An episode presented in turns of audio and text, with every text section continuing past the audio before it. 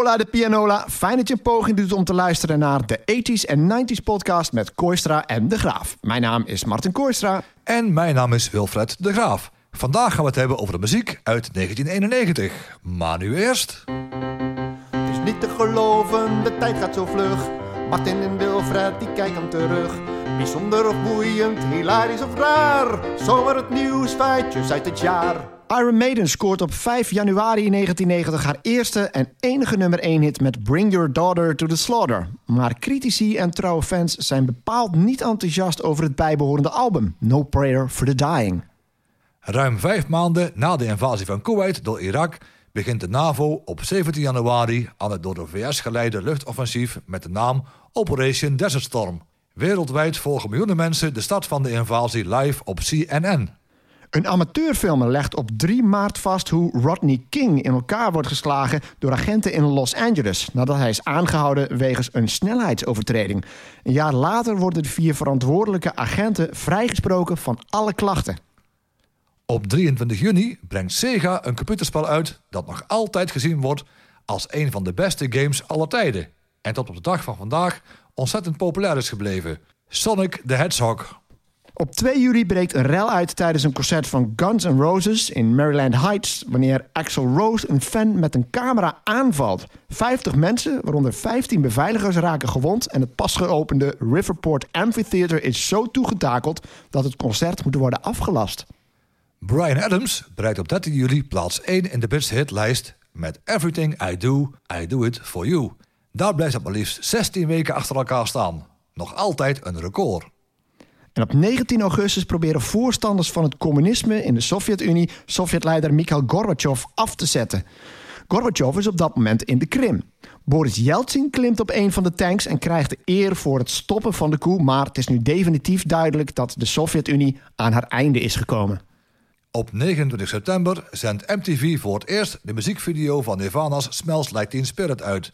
Platenlabel DGC heeft tot dan toe slechts 50.000 exemplaren van het album Nevermind afgeleverd. Aan het eind van het decennium zullen daar alleen in de VS al meer dan 10 miljoen exemplaren van verkocht zijn. Om drie minuten over vier op de ochtend van 13 november ontploft een bom bij het huis van Aad Costo, dan de staatssecretaris van Justitie. Kort daarna ontploft een tweede bom in het ministerie van Binnenlandse Zaken. De revolutionaire antiracistische actie, afgekort RARA, eist de verantwoordelijkheid op. Zij vinden het vreemdelingenbeleid van Costo zeer repressief en inhumaan. Freddie Mercury sterft op 24 november op 45-jarige leeftijd aan de gevolgen van AIDS. Vanwege de angst en de misvattingen die toen nog volop bestonden over AIDS, hielden zijn familie en de overige bandleden van Queen Mercury's besmetting met AIDS geheim tot aan zijn dood. Met een lang overzicht, wat springt er voor jou het meeste uit? Ja, wat er het meest uitsprong bij mij was het overlijden van Freddie Mercury.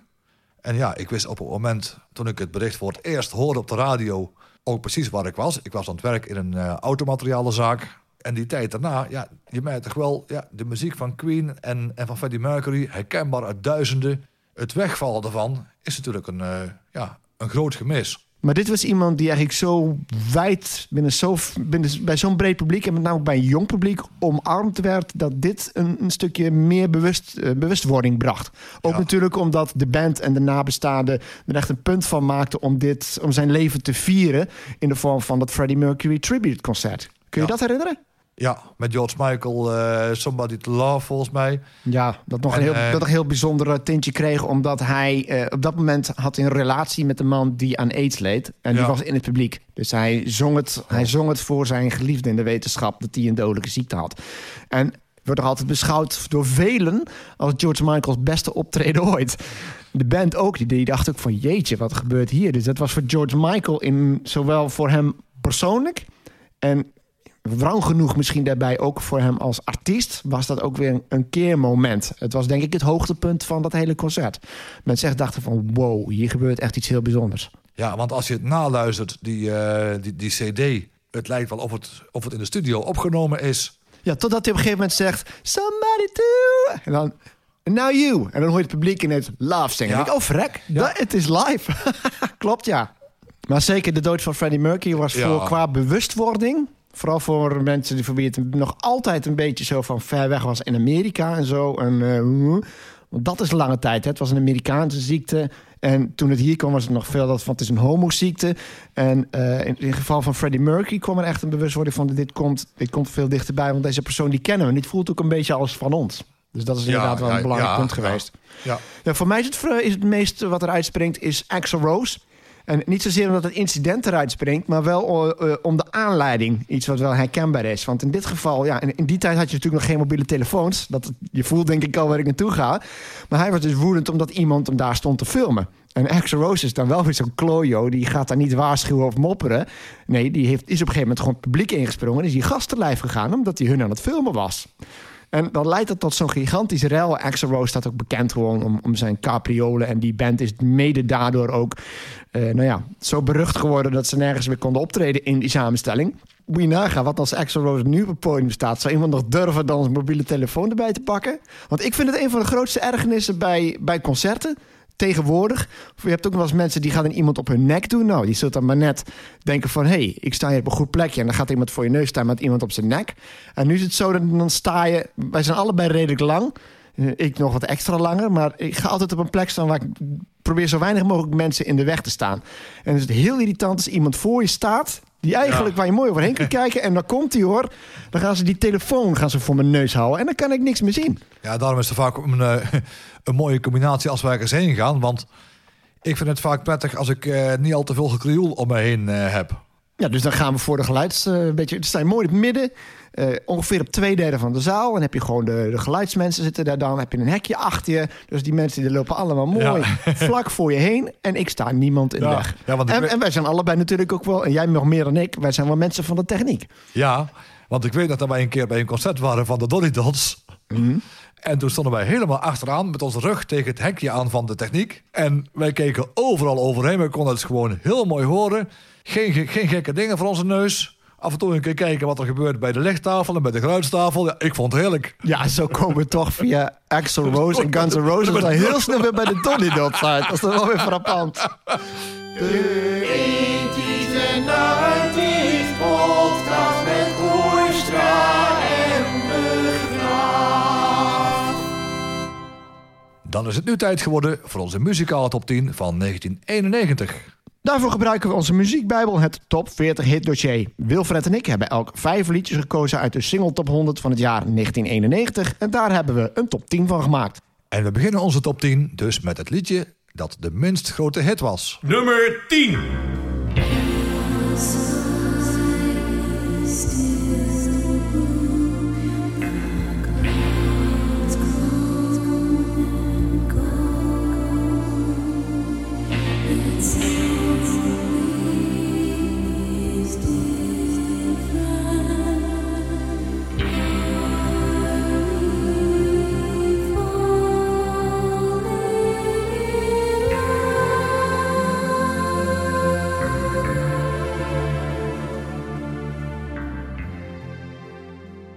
Julie Cruz, Falling, geschreven door David Lynch en Angelo Badalamenti, behaalde 161 punten, stond in totaal 11 weken genoteerd en bereikte plaats 16 in de top 40.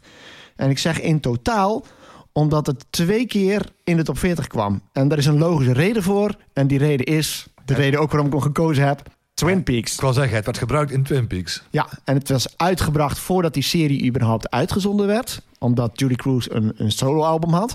En uh, de serie is in september uh, in Nederland op de televisie gekomen. Was toen vanuit, in, vanaf april was er al een hele hype om. En uh, het is toen uiteindelijk later in dit jaar, ik geloof in oktober, is het nog een keer in de top 40 gekomen. En dus geschreven door David Lynch, een van mijn favoriete regisseurs. Sowieso mijn favoriete nog levende regisseur. En Angelo Badalamenti, onlangs overleden. Julie Cruz, ook kort geleden overleden. Zo'n unieke plaat. Laten we het daar eerst over hebben. Dan moet ik het dadelijk ook nog over Twin Peaks hebben.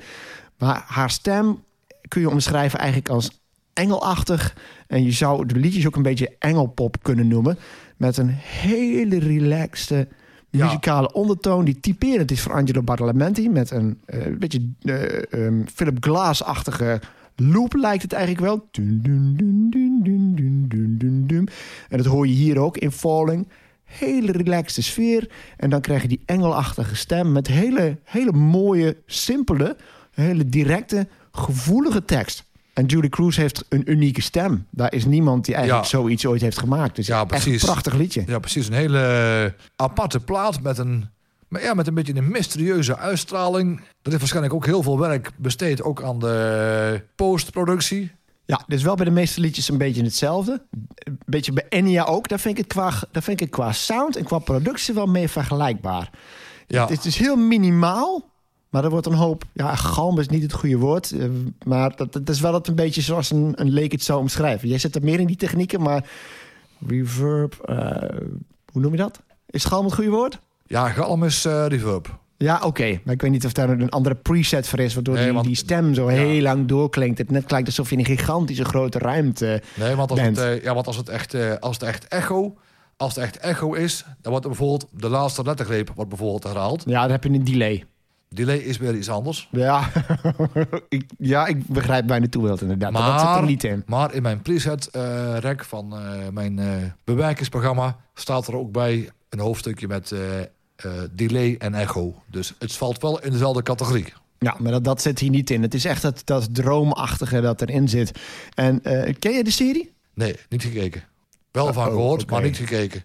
Ehm, oh, dat is jammer. Want ik had daar zo, daar wil ik, zou ik eigenlijk heel graag over willen vertellen, maar laat ik het dan kort houden. Het aardige is, je moet hem eigenlijk wel eens een keertje gaan bekijken. Want volgens mij is hij ook nog op streamingdiensten, ook de originele serie nog wel te zien. Eh 1990, 1990 dus voor het eerst uitgezonden. In 2015 is er nog, of 2017 is er nog een reboot geweest. geweest. Eh, maar het eerste seizoen, eh, de leader begint met de instrumentale versie van Falling. En dat speelt zich af in het stadje Twin Peaks. En wat je dan krijgt, is je ziet een beeld van een eh, vogel. Ik weet niet of het een pimpelmees is of zo. Of een, een roodborstje, dat is het niet. Of een, eh, een vogeltje in ieder geval in een boom. Eh, je ziet slow motion beelden. Je ziet een vrachtwagen voorbij komen met van die gigantische boomstammen achter. En, je ziet dan wat lijkt op een idyllisch dorpje. En denk daar dan de muziek van Falling bij. Oh ja. En de eerste indruk die je krijgt is van... dit is een, een typische sprookjesachtige Amerikaanse pittoreske stadje. En wat is daar gebeurd? Want die hele serie... nou, De hele serie, hele eerste seizoen en de helft van het tweede seizoen zo ongeveer. Iets minder dan de helft van het tweede seizoen. Goed, het niet ingewikkeld maken. Het hele eerste seizoen en het eerste deel van het tweede seizoen draait om de vraag van wie heeft Laura Palmer vermoord. Dus er is een vrouw die speelt eigenlijk maar één rol. eh lijk. Cheryl, eh, Cheryl Lee is dat. Die later overigens nog een dubbelrol heeft gekregen. Maar ik zou niet te diep op ingaan. Eh, en die is vermoord. En dan komt daar Dale Cooper, gespeeld door Carmen McLachlan. En dat is dan iemand die komt uit de stad. Maar die is heel spiritueel ingesteld. Die heeft een, die heeft een, soort eh, memo-recorder. En daar zegt hij allerlei dingen tegen. Die heet Diane. En er is, eh, hij is heel erg spiritueel. Gebruikt dan bijvoorbeeld, gooit hij met een steen om te kijken, een een steen ergens tegenaan. En als het dan raak is, dan is iemand wel verdacht. En als het niet zo is, dan is hij niet verdacht. Dus heel veel van die mystieke technieken gebruikt hij dan. En dan heb je, ehm, je kent hem waarschijnlijk wel, Karl Struiken. Karl Struiken die is bekend geworden van een oude fansreclame. Met een heel klein oud vrouwtje en een gigantische man. Maar dat was een Nederlander en die speelde dus een reus die verscheen in de dromen van, van Ja. Kyle MacLachlan. En zit vol van dat soort vreemde dingen. En misschien wel de mooiste vrouw die ik ooit op televisie, televisie heb gezien, Sherilyn. Oh. En die wordt dan geïntroduceerd. Een van de eerste scènes waar ze in heeft, daar zit dan een jazzmuziekje in van Angelo Badalamenti. Toem, toem, toem, toem, toem, toem, toem, toem, boedum, boem, boem, boem, Oh, en die muziek. Je merkt meteen dan van dit is, dit is iets anders. Die serie is zo goed. En dit liedje, ja, elke keer als we weer horen het begin, dan, dan zit ik er helemaal in die serie. Nummer 9.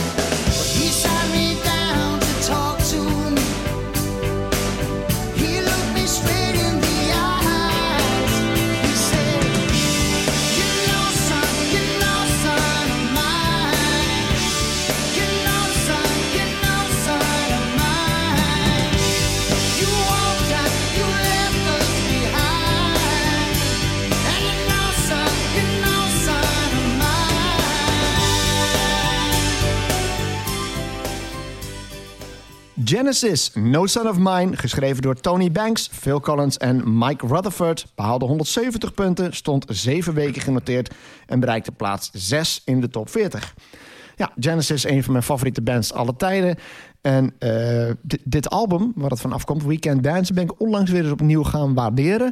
Eh, het was een punt waarin Phil Collins eh, zich wat nadrukkelijker met het schrijven ook binnen Genesis ging bemoeien. En dit, ik heb ook wat interviews nog over teruggezien, over hoe ze daar zelf over dachten. No Sound of Mine was een typisch geval van een plek waar tekst en muziek samenkomen. Want muziek is heel dramatisch. Het begint heel klein en het bouwt dan echt op met drums die erbij komen.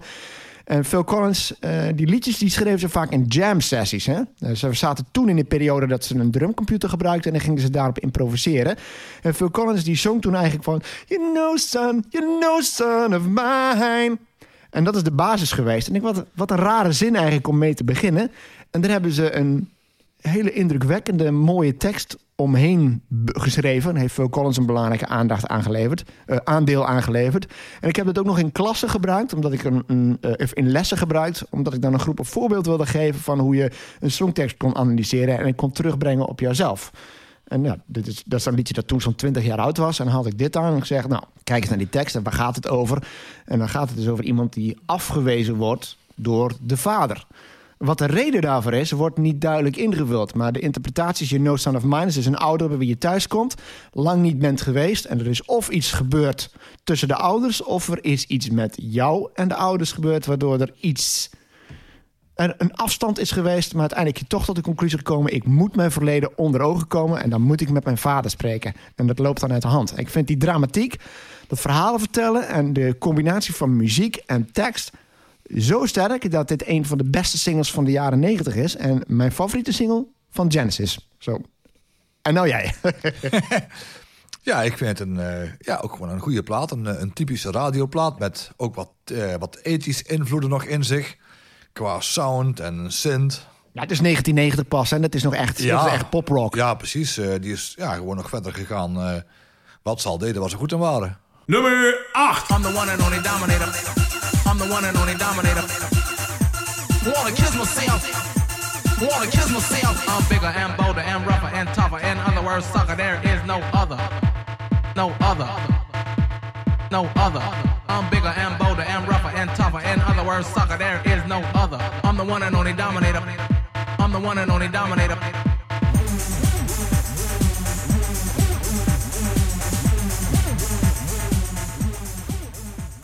Dominator. Human Resource. Geschreven door Johan van Beek en Robert Mahou. Behaalde 191 punten, stond 9 weken genoteerd en bereikte plaats 10 in de top 40. Maar hoe? Sorry, hij schoot me zo te binnen. Want het is een hele aparte plaat om in de top 40 of om de top 10 te bereiken. Ja, ja dat, vond ik, eh, dat vond ik ook. En, eh, en desondanks was het internationaal. Haalde plek 36 in de UK Singles Chart. En Wow. nummer, en nummer 6, zowel in Nederland als in de, jawel, we hebben weer een mooie lijst, de Belgische Ultra Top 50. Oh, en in Nederland heette dat de, de, de, de Nederlandse de, de Tros Top 50 was dat volgens mij toen nog of niet? Volgens mij was het eh, de Mega Top 50. Mega top. Ja, die heeft de, de, de top 40 heeft ook verschillende namen gehad in de loop der tijd. ja, ja, ja. dat hing samen met allerlei sponsorcontracten en waarschijnlijk... Dus dat deed je nog iets beter in die, eh, die top 50 dan Ja, ja, in ja. de top 40. Ja, elke keer als wij een, een plaat behandelen, dan zeggen wij altijd van geschreven door. Maar bijvoorbeeld deze plaat, dat zijn ook, denk ik weer, ook van die experimentele jam sessies geweest in de studio met allerlei composers en, en, en, en sequencers, drumcomputers en alles. En daar staat waarschijnlijk geen noot van op papier. Nee, maar goed, er zitten wel hooks in. Ja, ja, zeker. De belangrijkste, beroemdste is waarschijnlijk eh, wat dan heet het stofzuigereffect. Wat ontzettend veel geïmiteerd is. En dit is Ja. de, de eerste echte grote hit. Ja, heet- ja, ja, ja, ja, het, heet, ja, het zijn geluiden die ook wel eens gebruikt worden in, eh in jinglepakketten. En dat heet dan een, eh, een hoever. Weet je ook waardoor het, eh, waar het vandaan komt? Van welk apparaat? Want dat heb ik toevallig nog weten te achterhalen. Oh nee, dat zou heel leuk zijn als ik het zou eh, weten nu. Het komt uit de Roland Alpha Juno 2 synthesizer. Het Hoover effect. Ik, ik moet zeggen, toen ik, dat, Hey. toen ik dat las, dacht ik... Ja, dat is het, een stofzuiger.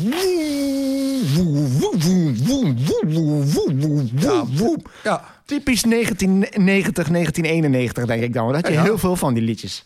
Ja want eh, ja, eh, Dominator was ook, ja, was ook eh, de, de debuutsingle van de housegroep Human Resource van het album Dominating the World. Er zijn ook meer dan 50 officiële remixen van gemaakt.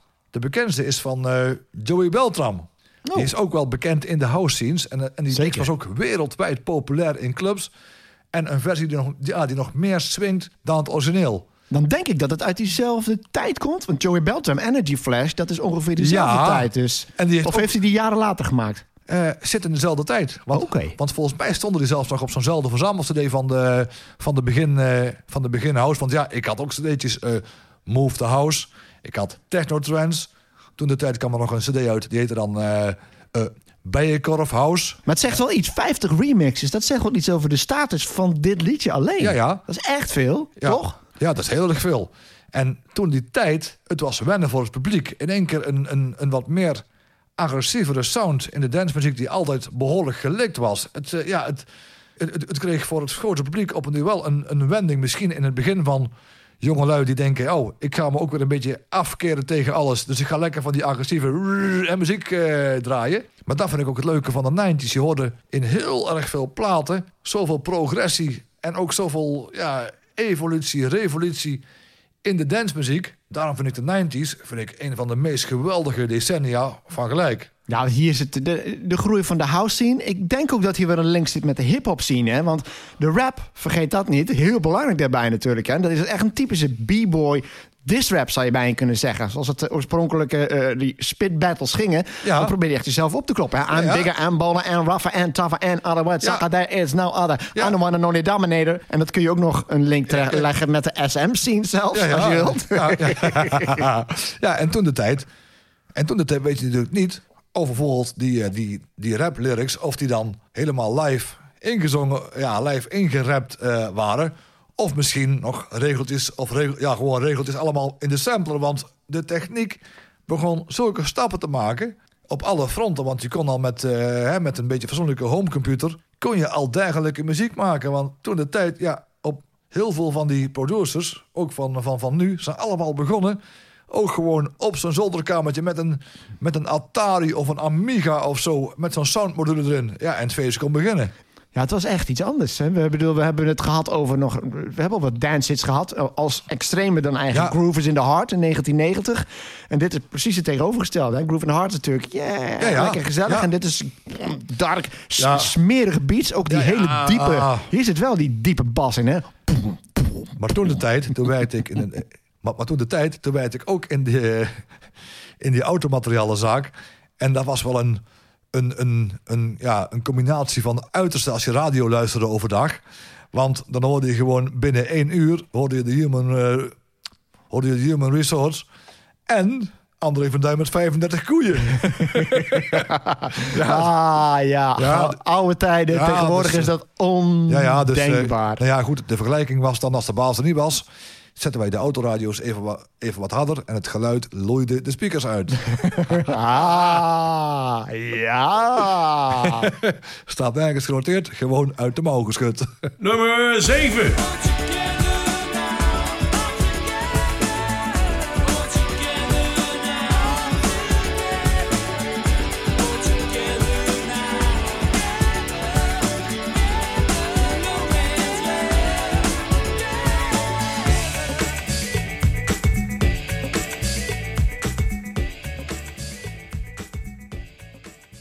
The Farm. All Together Now. Geschreven door Peter Hutton en Steve Grimes. Behaalde 194 punten. Stond acht weken genoteerd. En bereikte plaats 7 in de top 40. Ja, in Nederland was de plaat op, eh, op 4 januari de eerste Veronica alarmschijf van 91. Hey! Radio 3. En werd een grote hit. De plaat bereikte de zevende positie in de Nederlandse top 40 en de negende positie in de, in de nationale top 100. En in België behaalde de plaat de dertiende positie in de Vlaamse Radio 2 top 30. Daar is hij weer. Ja, als fantastische hitlijsten. Ik vind het helemaal mooi. En het, eh, ja, het nummer ging eigenlijk over de, over de kerstbestanden van 1914. En werd eh, geproduceerd door Suggs, een van de oprichters van Madness, Ja, ik wijs- ja. ja, ik wijs met een vingertje, wijs ik jouw kant op. Want Madness, daar word je altijd heel vrolijk van. Jazeker. Van dit liedje trouwens ook wel hoor. Ja, en, eh, ja, en ook wel een leuk, eh, een leuk weetje is dat het nummer wordt, ja, wordt gezongen door diverse voetbalclubs. En ook wordt het gebruikt in diverse reclamespotjes, waaronder in 2008 eh, van de ING. En de Britse Labour-partij gebruikt het nummer.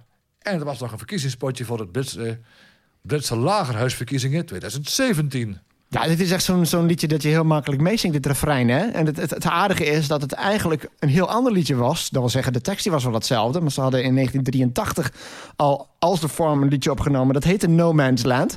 Al die teksten van het couplet die zitten daar ook in.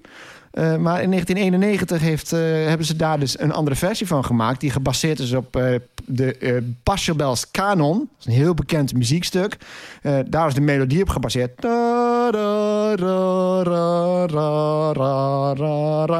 En toen heeft dus... oorspronkelijk was geschreven door Peter Hutton... en Steve Grimes heeft toen dus de ultieme hook gepakt. Dat All Together Now. Dat is de Ja. hook van het liedje, hè? En die heeft het uiteindelijk ingekort tot drie coupletten... want de oorspronkelijke versie uit 83 was veel langer.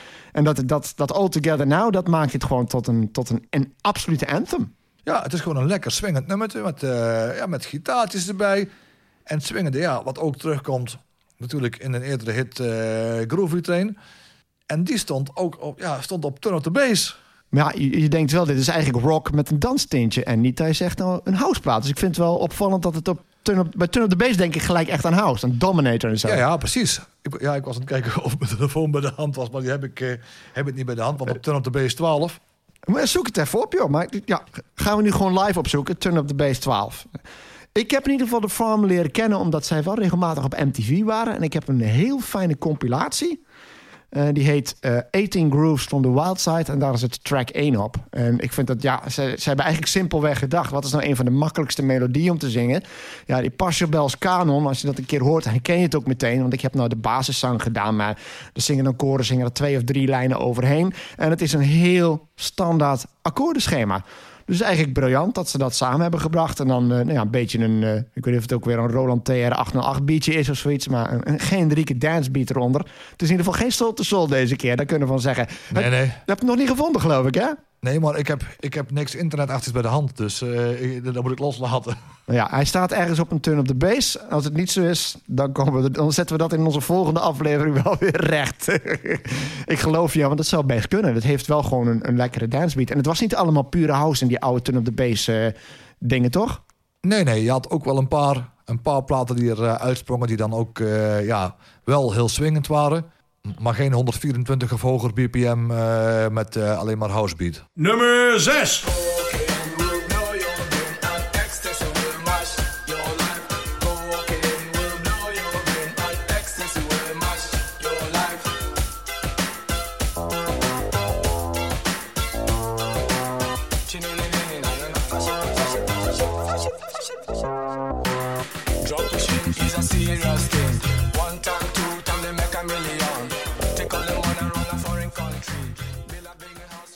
Dr. Alban, No Coke, geschreven door Dr. Alban en Dennis Pop, behaalde 199 punten, stond 9 weken genoteerd en bereikte plaats 7 in de top 40. Ja, Dr. Alban, de naam zegt het al, heeft een leuk voorgeschiedenis voordat we naar het liedje gaan. Eh, Dr. Alban van oorsprong eh, Nigeriaans is toen naar Zweden verhuisd op zijn 23ste om eh, de studie tandarts te volgen. Eh, is daar in de tijd al gaan DJ'en om wat geld te verdienen. En werd bekend omdat hij tijdens instrumentale breaks regelmatig eh, wat improviseerde. Een soort MC speelde en daar wat reggae-achtige teksten overheen gooide. En eh, heeft een tijdje eigenlijk zijn werk als tandarts, nadat hij afgestudeerd was, ook nog weten te combineren met dat DJ'en. Totdat hij uiteindelijk in contact kwam met Dennis Pop, die hem een platencontract aanbood. En wally walla walla. Toen was er opeens dus het album Hello Africa, waar Leila K trouwens nog op te horen is op Hello Africa. En het liedje met een van de vetste baslijnen aller tijden.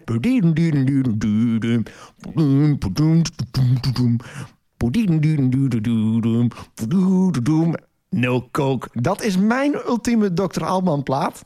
Maar ik denk dat, eh, dat jij deze ook wel... Ik denk dat jij deze wel kunt waarderen. Maar dat er voor jou andere Dr. Alban platen wat hoger aangeschreven zijn. Zeg ik dat goed? Ja, ja, ja, ja, dat klopt. Want nu bij de keuze van Dr. Alban denk ik, ja, van, dat hebben we nogal vaker met artiesten van die hebben meer platen gemaakt in de 90s. En denk ik, nou ja, dan goed, dan wil ik uit 92 bijvoorbeeld Is My Life eruit halen. Oh ja, voeten voor, gras voor je voeten ja, en hoe, hoe zeg je ja. dat? Ja, het, eh, het voor de duiven wegschieten. Ja, de, de, de, onder zijn duiven schieten. Nou, maar ja, goed, dat maakt niet uit. Nee, maar dat, maakt, dat betekent alleen maar dat jouw keuze makkelijker wordt. Maar, Ja, want ja, ja. we kennen natuurlijk... Dit is niet de bekendste van Dr. Alban. Nee, nee, ik nee, vind nee. dit de gaafste, Ja, ja, maar heeft zeker. Daarna echt een wereldhits gescoord. Ja, ja want eh, ja, ik vind Dr. Alban heeft heel veel goede platen. Bijvoorbeeld eh, It's My Life. Vind ik gewoon zowel in de normale versie een geweldige plaat. Maar ook in de zogenaamde Ragadak remix. Ragadank? Prappa! Come on, yo! Is het dan meer, is het dan meer sound richting No Coke? Dat het meer een soort reggae, Nee, dancehall-achtige versie is? Het is wel, eh, het is wel up tempo. En die heeft zo- zo'n baslijntje.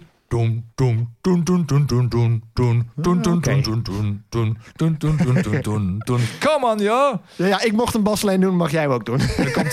Dat komt een beetje uit dezelfde fabriek als eh, qua, qua Ragadak remix. Komt een beetje uit dezelfde fabriek als eh, later eh, als Two Boys met eh, I Wanna Let You Down. Ja, ja, heb je ook weer twee versies van trouwens. Ja, ja. Maar Ja. ik, ik, vind, ik vind zelf It's My Life dit deed me heel erg denken aan... ehm, ja, dat is ook weer gejat eigenlijk. Somebody Dance With Me van DJ Bobo. It's My Life was eerder dan DJ Bobo. Want It's My Life was 1992 en DJ Bobo werd in, werd in Nederland een hit, als ik het me niet vergis, in oktober 1993. Is eh, Somebody Dance With Me. Dat, wat verdikke me. Dat laatste klopt. Eh, in Nederland kwam het binnen op eh, 2 oktober 1993. En It's Ja. My Life 2... ne- Ja, dat kan er wel kloppen ook. Ja, inderdaad. want eh, ik weet nog precies waar ik eh, DJ Bobo ontdekt heb. Dat was in het mooie Spaanse Calella in een discotheek die nog steeds bestaat overigens. Turismo 35. Echt geweldig. Een soort van dansvloer met een soort, ja, met een soort van ja, ja, verlaging eigenlijk in plaats van een verhoging. Ik was geen danser, maar ik hoorde die muziek en die sloeg gewoon geweldig aan. Zo'n housepianotje. Want in 92 was een van de laatste keren dat ik met mijn ouders nog op, eh, op vakantie eh, geweest was. En toen was er een discotheek, in, eh, ook in Spanje, in Blanes was dat volgens mij. In die discotheek draaiden ze dus heel vaak de platen in dezelfde volgorde. Dus draai je op een uur een, eh, een blokje met eh Rhythm is a Dancer en It's My Life. Dus daar kan ik een beetje aan herkennen. Dat was ongeveer dezelfde tijd als, eh als Poing van de, Klopt, van de dat was Rotterdam, 92, dat weet van, de ja. Rotterdam Termination. Die staat op eh, Map Greatest Hits of 1992. en, dan, Doei. en die werd dus standaard weer gemixt met SL2 on a reggae trip. Dang, dang, dang, da waddelay dang, ding, dang, dang, Ja. dang, dang, ding. Ja, zo grappig. Maar om eh, terug te komen op Dr. Alban. Ik zeg ja, want we gingen over no coke. Ja, ja, het ging over No Coke, maar ik heb wel een, een kleine anekdote over eh, It's My Life, de plaat en zijn verhaal. Ik mag hem toch nog doen, hè? Pas, maar we komen zo weer terug bij no coke. Ja, oké. Wat jij, wat jij vertelde van over die eh, opleiding tot, eh, tot tandarts. It's My Life was eigenlijk muzikaal een open brief naar zijn vader. Want die vond het niks dat hij met zijn, met zijn tandartsgebeuren gestopt was. En met de muziek verder gegaan was. Dus heel de tekst van It's My Life is erop gebaseerd. Hè? It's My Life. En alles is erop gebaseerd. Dus eh, ja, dat vind ik wel, eh, ja, dat vind ik wel stoer eigenlijk. Het is wel een anthem van de jaren negentig. Ik denk als je. We hebben, we hebben het al eens gehad over corona. ehm, eh, ja, over corona. Rhythm of the Night. Dat is echt zo'n jaren negentig plaat. Als je zegt, maak een top 10 van de ultieme jaren negentig danceplaten op jaar. Dan denk ik dat je met 1992 niet slecht af bent. Als je It's My Life kiest. Als de Nee. dance zomerhit van dat jaar. Ja. Daar ben ik het helemaal Ja. mee eens. Hij wordt wel gezien als een van de grote Eurodance-iconen. Mede omdat hij in het Amerika Ja. opvallend genoeg nooit een hit heeft gescoord. Het is echt Ja, een Europees fenomeen. Ja, ja, want Dr. Alban, merk je, die was overal aan het meegroeien. Die muziek werd eigenlijk gewoon steeds, steeds voller. Ja, nou ja, dat is het interessante om terug te komen dan op, op, op, eh, eh, op No Coke. Dat hele album Hello Africa, de naam zegt het al, is eigenlijk een erebetoon, muzikaal zeker, aan zijn roots. Hello Africa, daar zit heel veel percussie in. In No Coke hoor je ook gewoon nog de reggaeton, een beetje dat Caribische geluid. Ook veel percussie erin, dus dat klinkt veel exotischer. En ja, en It's My Life, dan zit je echt bij de pure Eurodance. Dus dan heb je een, een jaar later dat hij gewoon echt de Europese popmuziek volledig heeft, eh, ge- heeft Ja. omarmd. Dus Ja. daar, daar zie je ook die ontwikkeling. En dan vind ik het zo leuk, dat contrast tussen dat eerste album... wat heel nadrukkelijk zijn roots omarmt... en dan zijn tweede album dat gewoon echt 100% Europees is. Nummer 5.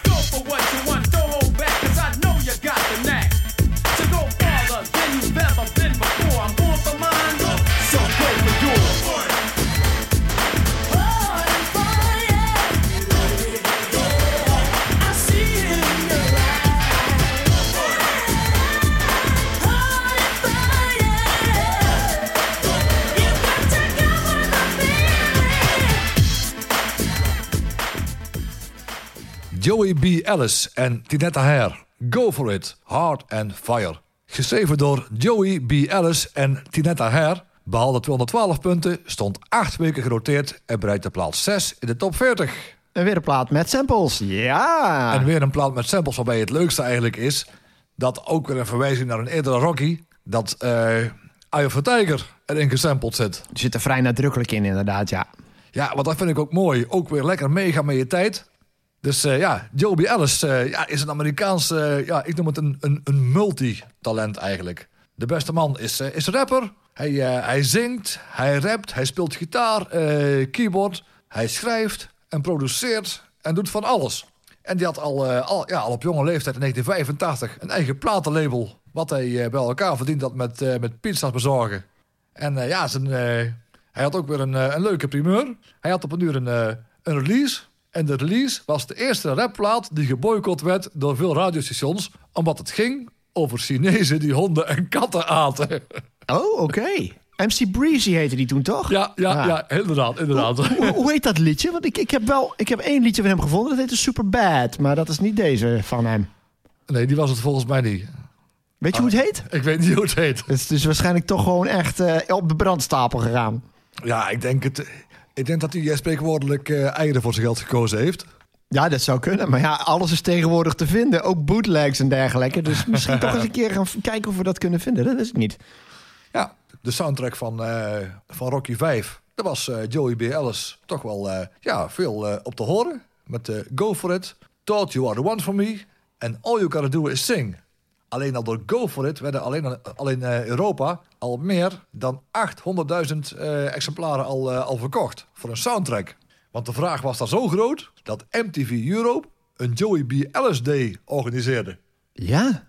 Oké. Ja, ja, ja, echt. Je zal het niet geloven, hè? Eh, nee, dat geloof ik inderdaad niet. Want Joey B. Ellis, ja, ik ken dit liedje, maar het, het is een hit. Maar hij staat op nummer 5, dus het is geen, geen enorme hit geweest in Nederland. Nee, nee. De film was nou ook door Rocky 5 wel bekend, maar werd bepaald niet heel erg enthousiast ontvangen. Nee, en sindsdien nooit meer van de goede man gehoord. Dus Nee, precies, want eh, Rocky, Rocky 3 en 4 waren veel populairder. ja, je zou eerder zeggen eh, dat het in Amerika misschien Ja. een Joey B. Daar kan ik mee leven, omdat hij daar al een reputatie Ja. had. Maar oké, ja, het zij zo. Maar ik vind wel een, eh, een lekker gelikte productie eigenlijk, hoor. Ja, dat absoluut. Het is. eh, Lekker, ja. Ja, je, je hebt die, die, die, de belletjes, maar dan anders dan jij ze eerder noemt, zitten erin. Goed gezongen ook. Het doet een beetje denken aan de CNC-sound. Daar heeft het wat van weg. Ook met tom, tom, tom, tom, tom. Natuurlijk ook om... Het heeft Eye of the Tiger en eh, Gonna Make You Sweat... zit natuurlijk ook wel dicht bij elkaar aan zeg. Maar het is meer dat Gonna Make You Sweat gejat is dan van Eye of the Tiger.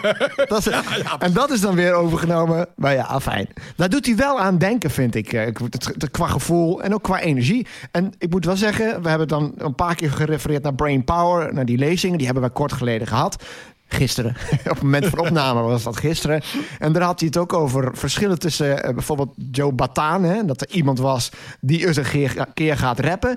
En een echt een getrainde rapper. En bij Joey B. Ellis, zoals je dit doet, dat heeft attitude. En vooral omdat een dancebeat eronder zit, moet het ook rete, rete strak. En het is gewoon strak. En dat maakt die hele gelikte productie af. Dus ik vind het ook gewoon een heerlijke plaat. En dan heb je ook net als, eh, net als bij Gonna Make You Sweat... ook gewoon een goede zangeres, goede sessiezangeres... die daar, eh, die daar dan het refrein zingt. En ik vind de plaat ook, eh, ook uitermate geschikt voor workouts. Als je aan het sporten bent. Ja, het is natuurlijk eh, het is bedoeld als een opzwepende plaat. Klopt. Go for it. Hard and fire. Klopt. Ja, het is mooi om. Het is qua tempo is het dan voor die echte workouts is het wat langzaam, maar als een soort opener, als je aan het spinnen bent of wat dan ook, aan het begin is zoiets denk ik eh, helemaal niet verkeerd. En ten net de her, heb je daar ook nog iets over kunnen vinden? Want dat is mij niet echt gelukt eigenlijk. Nee, nee, eigenlijk helemaal niet. Jij vond dat je al veel informatie had over Joey B. Ellis, want dit zijn Ja. figuren. Ja, ik, ik- jij hebt jouw bronnen, ik heb je bronnen. Ja, Het enige wat ik weet, wat ik hierover heb kunnen vinden, is dat er dus samples in zitten van Eye of the Tiger. En je hoort ook duidelijk Flavor Flav van Public Enemy. Get up, get, get, get down. 911 is a joke in your town. Get up, get, get, get down. Late 911, where's the late crown? Die is ook gewoon veelvuldig te horen.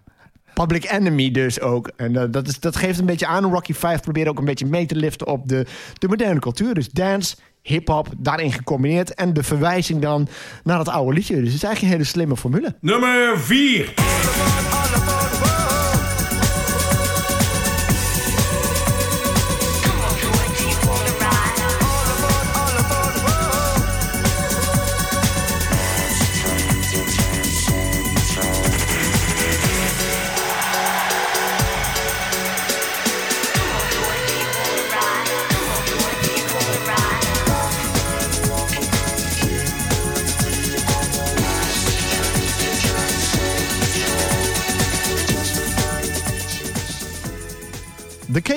Last Train to Trans Central, geschreven door Jimmy Cauty, Bill Drummond, Ricardo Light en Rwanda McFarland. Behaalde 272 punten, stond 10 weken genoteerd en bereikte plaats 2 in de top 40. Dit is zo'n gaaf liedje. Maar de KLF heeft zo'n bizarre voorgeschiedenis waar ik eigenlijk weinig van wist en me ook weinig van kon herinneren. Want ze hebben veel dingen toch wel in het oog van de publiciteit gedaan. Totdat ik eh, een maand of twee geleden een documentaire zag, Who Killed the KLF? En toen ontdekte ik eigenlijk wat voor rare snuiters dit waren. Maar eerst even over dit liedje, voordat we het over de KLF gaan hebben. Want daar kan ik een heel verhaal over houden. Maar de KLF, dat was eigenlijk rond deze periode een van de meest toonaangevende groepen. In de Last Train to Transcendental, ik vind het gaafste stukje vind ik dat middenstukje. Dan krijg je dat synthesizer stuk. En dan, ja, en dan komt die beat. in. All aboard, all aboard. Ik vind het zo goed in elkaar zitten. Fantastisch geproduceerd. En ik vind hem ik denk dat veel mensen zullen denken aan twee liedjes. Hoewel ze ook nog Justified and Agent hebben gehad. En What Time is Love, ook een klassieker. Maar ik denk dat voor bij jou denk ik de twee bekendste zijn Last Train to Trans Central en 3 AM Eternal.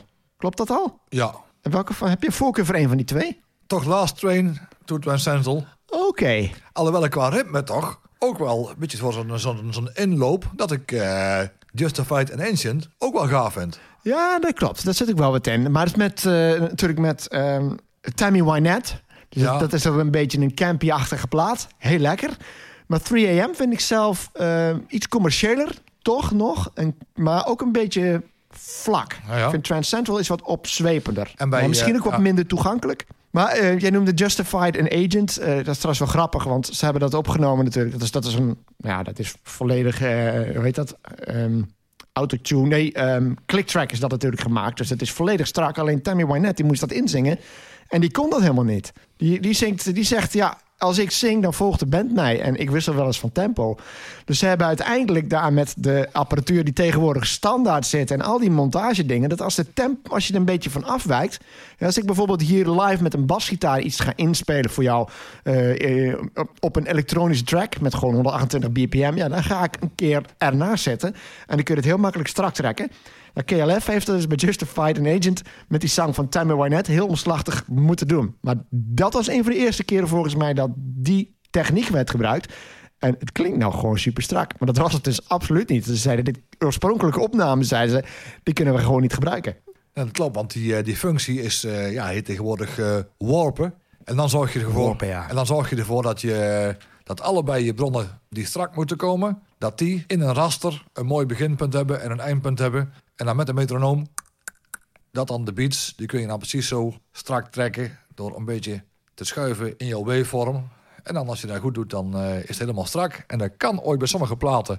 heb je ooit helemaal nul aan van die warping eh, markers. En sommige platen die handig gespeeld zijn, dan ben je elke 7, 8 noten. Die ben je aan strak trekken. Omdat een drummer, die is wel strak. Maar ja, als de ene 128.63 is en de andere 128.70. Maar de, de KLF, daar zit toch wel een vooraf. Dat moet ik toch even vertellen. hoor. De KLF die hebben echt een unieke plaats in de geschiedenis. Eh, eerst vooraf. Die, hebben, die zijn begonnen eigenlijk met een project. eh, ja, dat is vrij bizar. Eh, dat heette dan The Justified and Agents of Mumu. In hun liedjes, ook, ook trouwens in Last Train to Transcendental... verwijzen ze daar nog naar die naam. Slaat helemaal nergens op. Maar die mensen waren ook een beetje... Nou, gestoord wil ik niet zeggen... maar ze waren wel heel erg eigenzinnig. Ik denk dat dat het goede woord is. En ze maakten een, een album, een 1987 heette dat. En daar zaten liedjes op. En dat waren... Nou, als je het hebt over sample, je hebt samples en je hebt verkrachtingen. En wat zij deden was eigenlijk heel bewust liedjes jatten en die volledig verkrachten. Ze deden dat bijvoorbeeld met een liedje dat heette Queen and I. Ik heb je nog een link doorgestuurd. Heb je daar nog naar kunnen luisteren? Ja, eventjes. Maar het is niet blijven hangen, dus het heeft geen indruk gemaakt eigenlijk. Nou ja, dan hoor je gewoon dus Dancing Queen van ABBA. Maar daar zitten ze er overheen te jengelen. En er zit een instrument in, waardoor dat hartstikke vals lijkt te klinken. En het zijn twee van die eh, Noord-Engelse gasten met een enorm accent.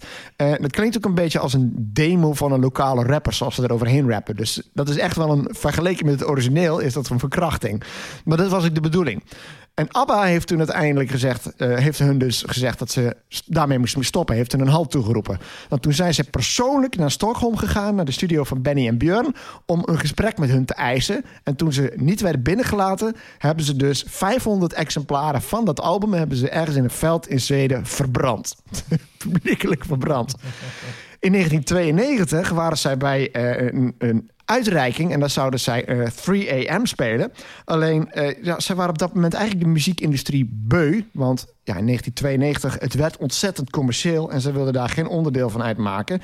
Dus eh, bij de Brit Awards speelden zij als openingsnummer 3 AM. Maar ze deden dat in een versie met een groep die heette Extreme Noise Terror. dat was gewoon een, een trash metal band. Dus het was echt gruwelijk hard. Die waren alleen maar... Nou ja, ga het niet nadoen. Maar die kant gaat het echt op. En op het laatst kwam dan Bill, eh, de zanger... die ging dan het podium op met een machinegeweer... en schoot dan eh, met blinds, met losse vlodders boven het publiek. Het eh, optreden eindigde. En ze zeiden dan... de KLF has left the music industry. Vervolgens zijn ze naar de afterparty gegaan. Hebben ze, eh, hebben ze een dood varken in de lobby gelegd. Ze hebben daar liters bloed uitgegooid. En zijn vervolgens vertrokken. En hebben ook daarna al hun muziek van alle bronnen hebben ze weggehaald. Dus hun muziek is 25 jaar lang tot 2017 eh, officieel niet verkrijgbaar geweest. Omdat zij daarmee een dikke middelvinger wilden opsteken naar eh, de muziekindustrie. Ze hebben ook nog een keer publiekelijk 1 miljoen dollar verbrand. Dat was een soort publiciteitsstunt, wil ik niet noemen. Maar ze wilden daarmee wel als kunstenaars eigenlijk aandacht vestigen... op hoe commercieel de muziekwereld is geworden. En dat is dus de KLF. Dat is dus het verhaal van KLF. Weet je trouwens dat ze eerder ook nog in de jaren 80 nog een grote hit hadden? Zegt de Time Lord zoiets? Nee. Doctor Who. Hey, Doctor Who, Doctor Who. Hey, de TARDIS. Een, nummer 2, nummer 1 geweest in Engeland. Top 10 hit in Nederland. En dat was dus het thema van Doctor Who. En dan daaronder de drumbeat van uh, Rock and Roll Part 1 van Gary Glitter. en daar scoorde zijn eerste nummer 1 hit mee. Dus ook dat was gewoon een belachelijke combinatie van liedjes. Maar genoeg over de KLF, denk ik, hè? Nummer 3.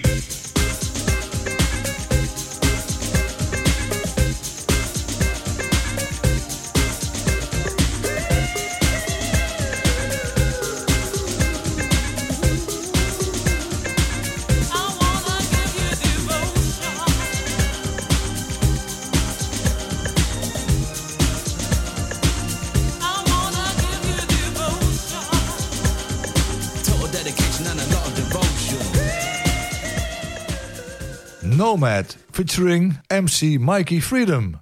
I Wanna Give You Devotion. Geschreven door Damon Rochefort, Michael Field en Steve McCutcheon. Behaalde 288 punten, stond 11 weken genoteerd en bereikte plaats 5 in de top 40. Ja, als een dikke hit in de USA. Nummer 1 in de dance chart daar. En in de United Kingdom nummer 2. Geen Vlaamse top 30? Zat, er, zat er eens niet bij. Maar ook echt wel een clubclassic in die tijd. Ook echt een clubfavoriet, hè? Ja, ze- ja, zeker. Het was een, eh, ja, het was, Nomad was een Engelse house-formatie. Is dat zo bijzonder dan? Want ik had de indruk dat het toch wel... bedoel, de hele rave scene Nou ja, is kan- begonnen in Engeland, toch? Ja, Ja, dat kwam ook veel in Nederland, hoor. en natuurlijk ook veel uit, uit Amerika dat over was komen waaien naar Engeland. Maar hij was dus toch dit... Of dit was een van de eerste Britse house producers met succes dan. Ja, ja. En dat was eh, uitgebracht in 1991 als tweede single van een enige album, Changing Cabins. Ja, dat is nog wel interessant, want eh, formeel bestond Nomad nog wel. Alleen Ja. de, de, deze twee leden eh, zaten daar in, tegen die tijd eigenlijk niet meer in. Ja, en ook een leuk, eh, ook een leuk weetje dat MTV Dance rangschikt het nummer als 32 in een lijst van de 100 grootste dance anthems aller tijden in november 2011. Oké, ja. Ik moet wel zeggen, ik zou hem inderdaad geen top 10 geven. Eh, ik, ik, zou, kan, ik kan me voorstellen dat hij in de top 100 staat, maar vind ik 32 best hoog. Want mijn gevoel zegt dat hij nu niet meer zo bekend is. Maar draai je, dan denk ik, ja, de 32, Ja. dan is het een liedje dat je ook nog wel kunt draaien, zou je zeggen, toch? Ik zou hem wel kunnen draaien. Is hij bekend genoeg dus, toch wel? Ik vind het wel behoorlijk eh, bekend, want dat is zo'n typische Oja-plaat. Ook weer zo'n leuke flashback naar eh, 1991. Ja, ik, ik heb zo'n gevoel omdat het liedje natuurlijk begint met eh, I wanna give you devotion. En de hele tijd niks. Die beat komt er laat in. Is het misschien een liedje waarmee je een blokje dance kunt openen? Als je bijvoorbeeld een rock and roll blokje hebt gehad of zo. En je Ja. wilt er overgaan naar een beetje classic house. En dan begin je met devotion. Dat zou eventueel kunnen, inderdaad, ja. ja hè, want de baslijn kan ik op, eh, op beginnen. En dan, ja, het is gewoon een heel, een heel compleet geheel... wat van alle kanten klopt. Stilstaan is geen optie. Ik vind het helemaal geweldig, want als ik kijk qua tempo... dan zou ik zelfs nog bijvoorbeeld eh, met... eh, als, ik in, eh, als ik in de mix zou gaan, zou ik misschien Devotion kunnen pakken. En dan You Gotta Do The Right Thing.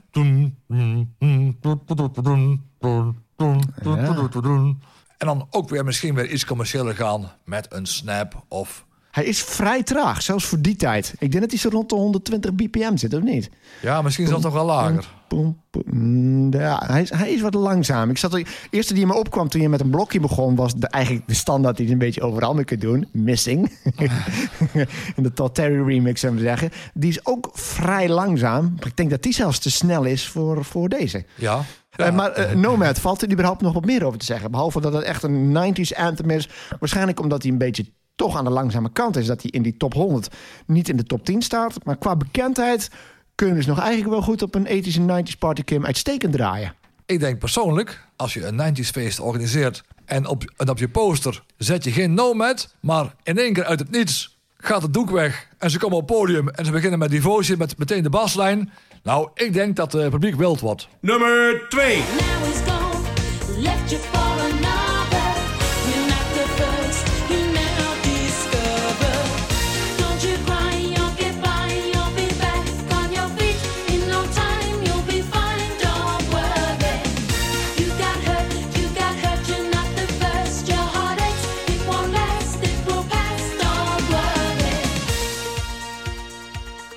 Kim Appleby met Don't Worry, geschreven door Kim Appleby en Chris Logan, behaalde 289 punten, stond 11 weken genoteerd en bereikte plaats 4 in de top 40. Ehm, opvallend, want dit is van eh, haar soloalbum getiteld Kim Appleby. En dat maakte zij na het overlijden van haar zus, Mel Appleby. Mel en Kim, daar gaan we het ongetwijfeld zo dadelijk uitgebreid over hebben. Eh, en dit album was eigenlijk een eh, borduurde, was eigenlijk een project dat ze samen met haar zus hadden willen doen. En alle liedjes van het album zijn geschreven door Mel en Kim, behalve Don't Worry. Dus de grote hit van Kim, van Kim Appleby's de solo debuut, zullen we zeggen, het enige album dat ze ook gemaakt heeft onder die naam, is het enige liedje waar haar zus niet aan meegeschreven heeft. Eh, overigens, Mel Appleby die was al ziek voordat ze begonnen hun carrière. En die heeft toen kanker overwonnen. En dat was ook wel een voorwaarde om eh, als duo door te kunnen gaan. Eh, een van de misschien wel het meest, samen met de Pet Shop Boys denk ik, het meest succesvolle duo van de jaren 80, zo'n beetje. Zeker de tweede helft van de jaren 80. Eh, alleen bij Mel Appleby keerde de kanker terug. En zij is uiteindelijk overleden aan de gevolgen van longontsteking. Omdat haar, eh, de vorm van kanker haar immuunsysteem enorm had aangetast. Dus dat is iets, dat vind ik wel bijzonder aan dit liedje. Zeker in de wetenschap dat de liedjes mede geschreven zijn door Mel Appleby. Dat dit echt nog geschreven is op het moment dat die zus nog vers in het gedachte zit. En dan Ja. komt Don't Worry. Dat een liedje is, denk je, is het nou wrang? Of is het juist voor haar een soort manier om dat te verwerken? Ja, ja. Ik weet wel dat het nieuws op een duur echt ook ook voor mij als een, eh, als een bom insloeg dat eh, Mel overleed. Ja, dat was niet iets eh, wat breed werd uitgemeten. En waarom Nee. zou je ook? Het, ik bedoel, als je kijkt naar de videoclips, daar moet het toch van hebben. Maar ook wel wat live optredens. Ze deden altijd hun dansjes. Dus het was niet zo dat ze, Ja. dat, dat ze er ziek uitzag of zo. Ze zag nee, er altijd fit uit. Ja, precies. Eh, je zag altijd precies mooi met, eh, met, die, eh, met die bewegingen, zodat ze alles mooi zo lekker synchroon aan het doen waren. Op, op zo'n catwalk en zo. Ja. En van die hoedjes, daar, eh, van die hoedjes hadden ze op. Ja, en dan, ik, ik heb geen persoonlijke ervaringen met kanker, ook niet binnen mijn familie. Dat, dat, dus ik spreek misschien wat naïef hierover, mijn excuses daarvoor. Maar eh, eh, het lijkt mij dus dat kanker niet altijd zichtbaar is, de gevolgen daarvan. Dat bij Mel Appleby, eh, op het moment dat zij kanker had, dat zij fysiek er goed wel uitzag. Maar ja, ze is ook over, overleden doordat het immuunsysteem is aangetast. Ja. Dat doet niet direct iets wat je kunt zien met je. Betekent alleen dat als je ziek wordt, dat je je lichaam zich daar niet tegen kan verzetten. Dus misschien dit dat het verschil is. En het zou misschien kunnen dat eh, de muziek haar misschien zoveel positieve energie gaf. Dat het ook gewoon in de gezichtsuitdrukking en zo aan te zien was. Dat ze zo, zo blij was dat ze in de muziek zulke leuke dingen kon, eh, kon doen.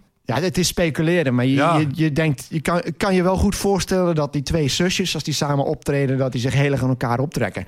Ja, als ja. zij, wel, zij is een tijd natuurlijk niet ziek geweest, hè, met Appleby. Eh, het is dan uiteindelijk weer teruggekomen. En nogmaals, ze hadden van tevoren getest of zij kankervrij was voordat ze aan die carrière begonnen. En dan put je wel heel veel steun uit elkaar. En ik denk wel dat dit album, omdat het medegeschreven was met haar zus, ook een manier was om om dat te verwerken voor, voor Kim Appleby. En ook een eerbetoon was aan haar zus. Ja. En ja, dit liedje, het is heel erg optimistisch. Het gaat natuurlijk om een gebroken hart. En dan wel een relatie met een man. He met a guy. Uh, he said he was your uh, lover. He said he loved you like no other. En ik vind het ook weer een hele andere danceplaat, toch? Heel erg uplifting. Met zo'n piano riffje Ja. dan in het midden en zo. Super lekker geproduceerd. En toch vind ik het niet klinken echt als... Je kunt horen, het is Kim Appleby. Maar toch klinkt het niet zoals de Mel en Kim van, van ouds. Ik kan het niet plaatsen. Maar ik heb wel het idee van, dit is, dit is anders. ja, precies. Het was niet eh, de typische stock Ethan Motterman eh sound. Dat zou Zo- toch inderdaad zo- net het zo- verschil kunnen zoals zijn. Je ja. gewend, zoals je gewend bent. Want ik heb best wel veel geluisterd van, eh, van Mel en Kim als, eh, als duo. Die platen die eh, onder Stock Ethan Motterman eh vielen. En dan die, die 12 inches. Ik had het idee dat degene die dan die 12 inches maakte... dat hij waarschijnlijk gewoon zo'n plezier had in het maken van die 12 inch. Want die 12 inches die stralen, die stralen gewoon zoveel fun uit. Ook, ook wel eens de manier van het gebruiken van de samples. Ook misschien het lachje op een duur wat erin zit. Is misschien wel ooit een keer gekomen tussen de opnames door. En de producer denkt bij zijn eigen... Dat lachje, dat houden we erin. En op een duur... ja, ja. Nou zeg je het, wat maakt Mel en Kim nou zo leuk? Dat is toch dat, dat, dat, dat uplifting, dat Ja, positieve, waren dat twee- vrolijke. Je wordt er vrolijk twee- van. Ja, precies. Gewoon twee leuke meiden. Lekker vlot. En, eh, en ook zeker, wat ja, zeker met, eh, met Showing Out. Hè, dat is toch onderhand de plaat bijna als je toch... eh, jij aan het omkleden bent. En je bent nog meer, Ja, precies. Ja, dat- ja, ja. Oh, wat een hoek zit er daarin, zeg. Ja, echt zo'n plaat volgens mij dat je aan, aan het voorbereiden bent om, eh, om weg te gaan. En dat je nog in de spiegel staat, ghetto blaster eh, in de gang. En dan voor de spiegel, voor de spiegel staan, omkleden. En misschien nog een beetje make-up met je haren. En dan get. Ja, het zijn, het zijn leuke, vlotte meiden. Ik kan me nog die, die clip van Respectable, die is vaak te zien op MTV 80s. Dan hebben ze dan oh, zelf geklo- kleren aan waarvan ik denk, ja, trendy, maar wel echt niet, niet dat ze allebei hetzelfde hebben of zo. Iets wat aansluit bij een persoonlijkheid. Gewoon frisse meiden en niet te vergeten ook zwarte meiden. Voor die tijd ook wel Ja. bijzonder was. Eh, en die gewoon lol hebben. En ik denk dat ze in dat opzicht een, een belangrijk eh, ja, voorbeeld wellicht. In ieder geval Ja. inspiratie zijn geweest. Dat, dat jongeren zich daar aan konden optrekken. Ja, en ze waren niet ordinair. Ze waren gewoon net. Zeg ook leuk om naar te kijken. En zeg ik ook, wat ik bedoelde is, ze, ze zien er gewoon uit als girls next door. In die videoclips. Dus niet inderdaad het ordinaire van je kijken wat, wat voor voorgevel he- ik heb of zo. Of korte rokjes. Nee, gewoon spijkerbroek. eh kijktruitje. maar Ook een, een mutsje op en zo. En gewoon lol hebben met elkaar. Maar ik vind het gave aan, aan Don't Worry is die drums. Daar zitten gewoon veel in. Het is niet zo dat gewoon. Het klinkt, het heeft een soort live feel. En jij noemt net Stock Aitken Waterman. Ja, heeft nog een mooie groove, maar je hoort gewoon dat dat een drumcomputer is. En dat heb ik bij Ja. Don't Worry, heb ik het gevoel... Ja. Het is wel zo, maar ik heb het gevoel dat het niet zo is. En dat maakt dat net iets beter voor. Ja, want ja, zo wordt ook wel eens eh, de studio van, uh, van Stok en wat men ook wel de hitfabriek genoemd ook, hè? Ja, maar ja, dat is fabriek lijkt denigrerend, maar ik, ik zie dat toch als iets positiefs. Want Ja. dat betekent simpelweg dat ze aan de lopende band hits schrijven. We hebben het al eerder gehad over Elton John. Dat is toch over iemand die hebt die ook over aan de lopende band hits schrijft. De Beatles natuurlijk, dat was, eh, die kun je ook beschouwen als een hitfabriek. Want die hebben in de jaren 60 eh, aan de lopende band hits gescoord. En eh, om dan maar te zwijgen van onze grote vriend Pierre Cartner. en ze kunnen er nog wel een paar noemen. Eh, niks mis mee. Nummer 1.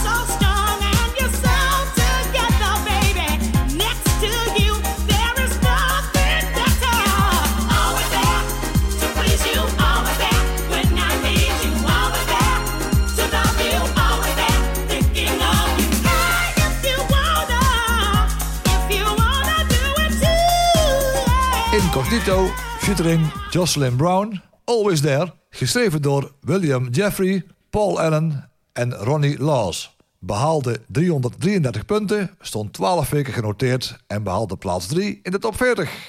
Incognito is een, eh, ja, was een, een Britse band opgericht in eh, 1980 En die maakte vooral jazzy funk.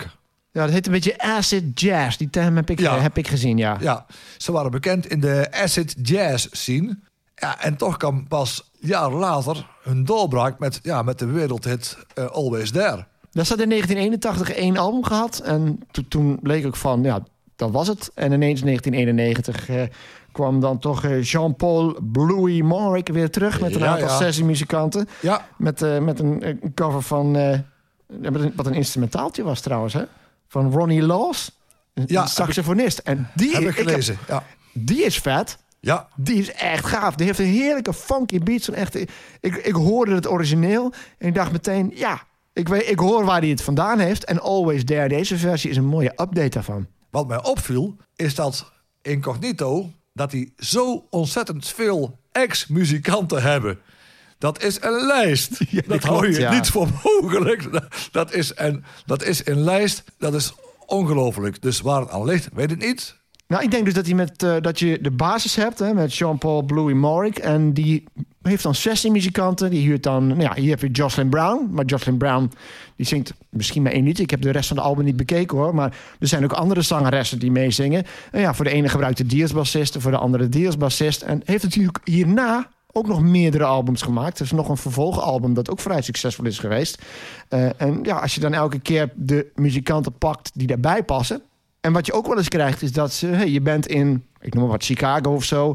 Je je hebt een liedje, dan huur je wat muzikanten in... en vervolgens ga je naar New York of misschien wel naar Europa.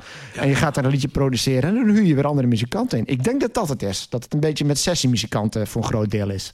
Ja, die kans is wel groot aanwezig, ja.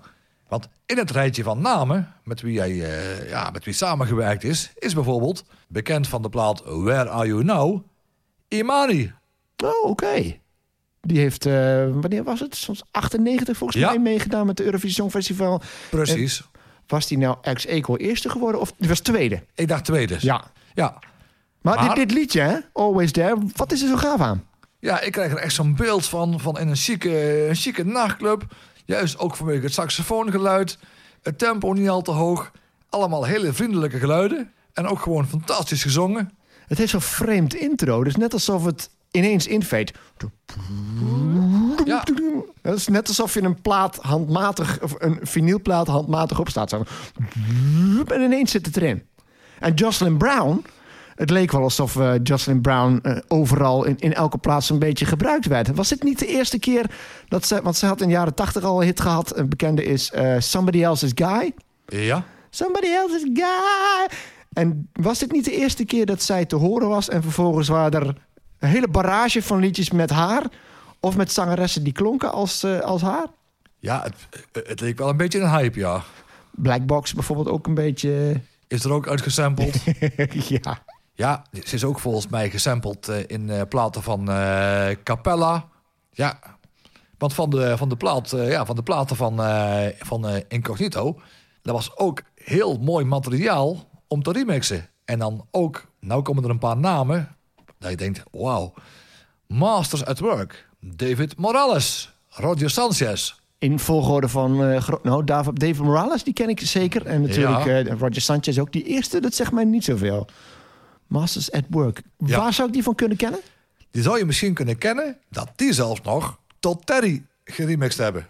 Met eh, Keep on Jumping. Keep on... Ah, kijk, die La- ken ik dan. Keep on Jumping, featuring Jocelyn Brown. Ja.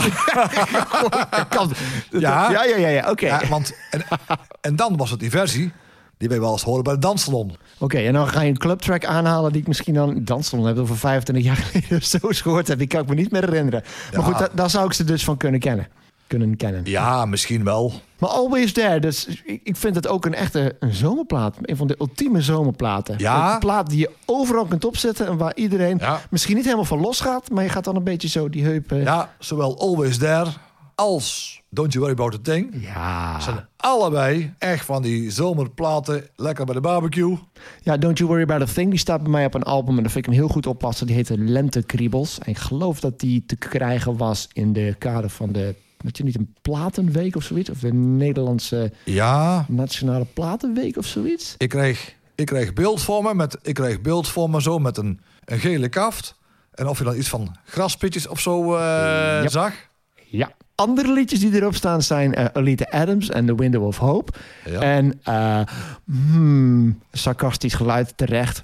Ehm, Lovely Day van Bill Withers.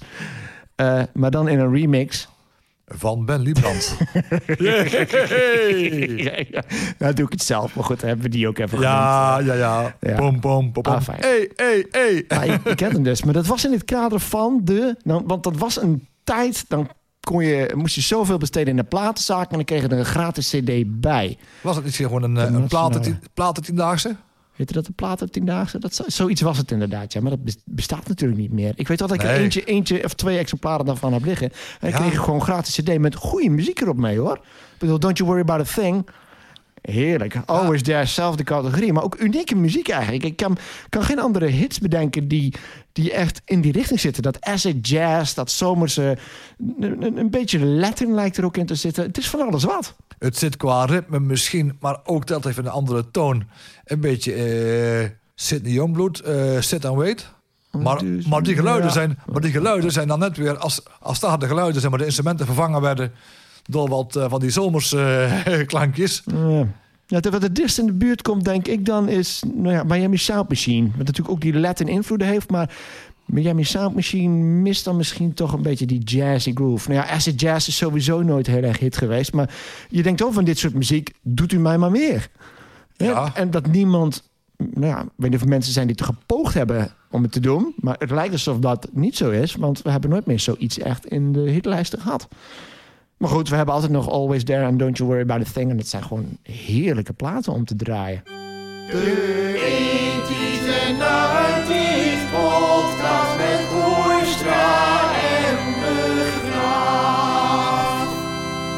en En daarmee zijn we aan het einde gekomen van deze aflevering van onze podcast. Fijn dat je wilde luisteren. Houdoe. En bedankt.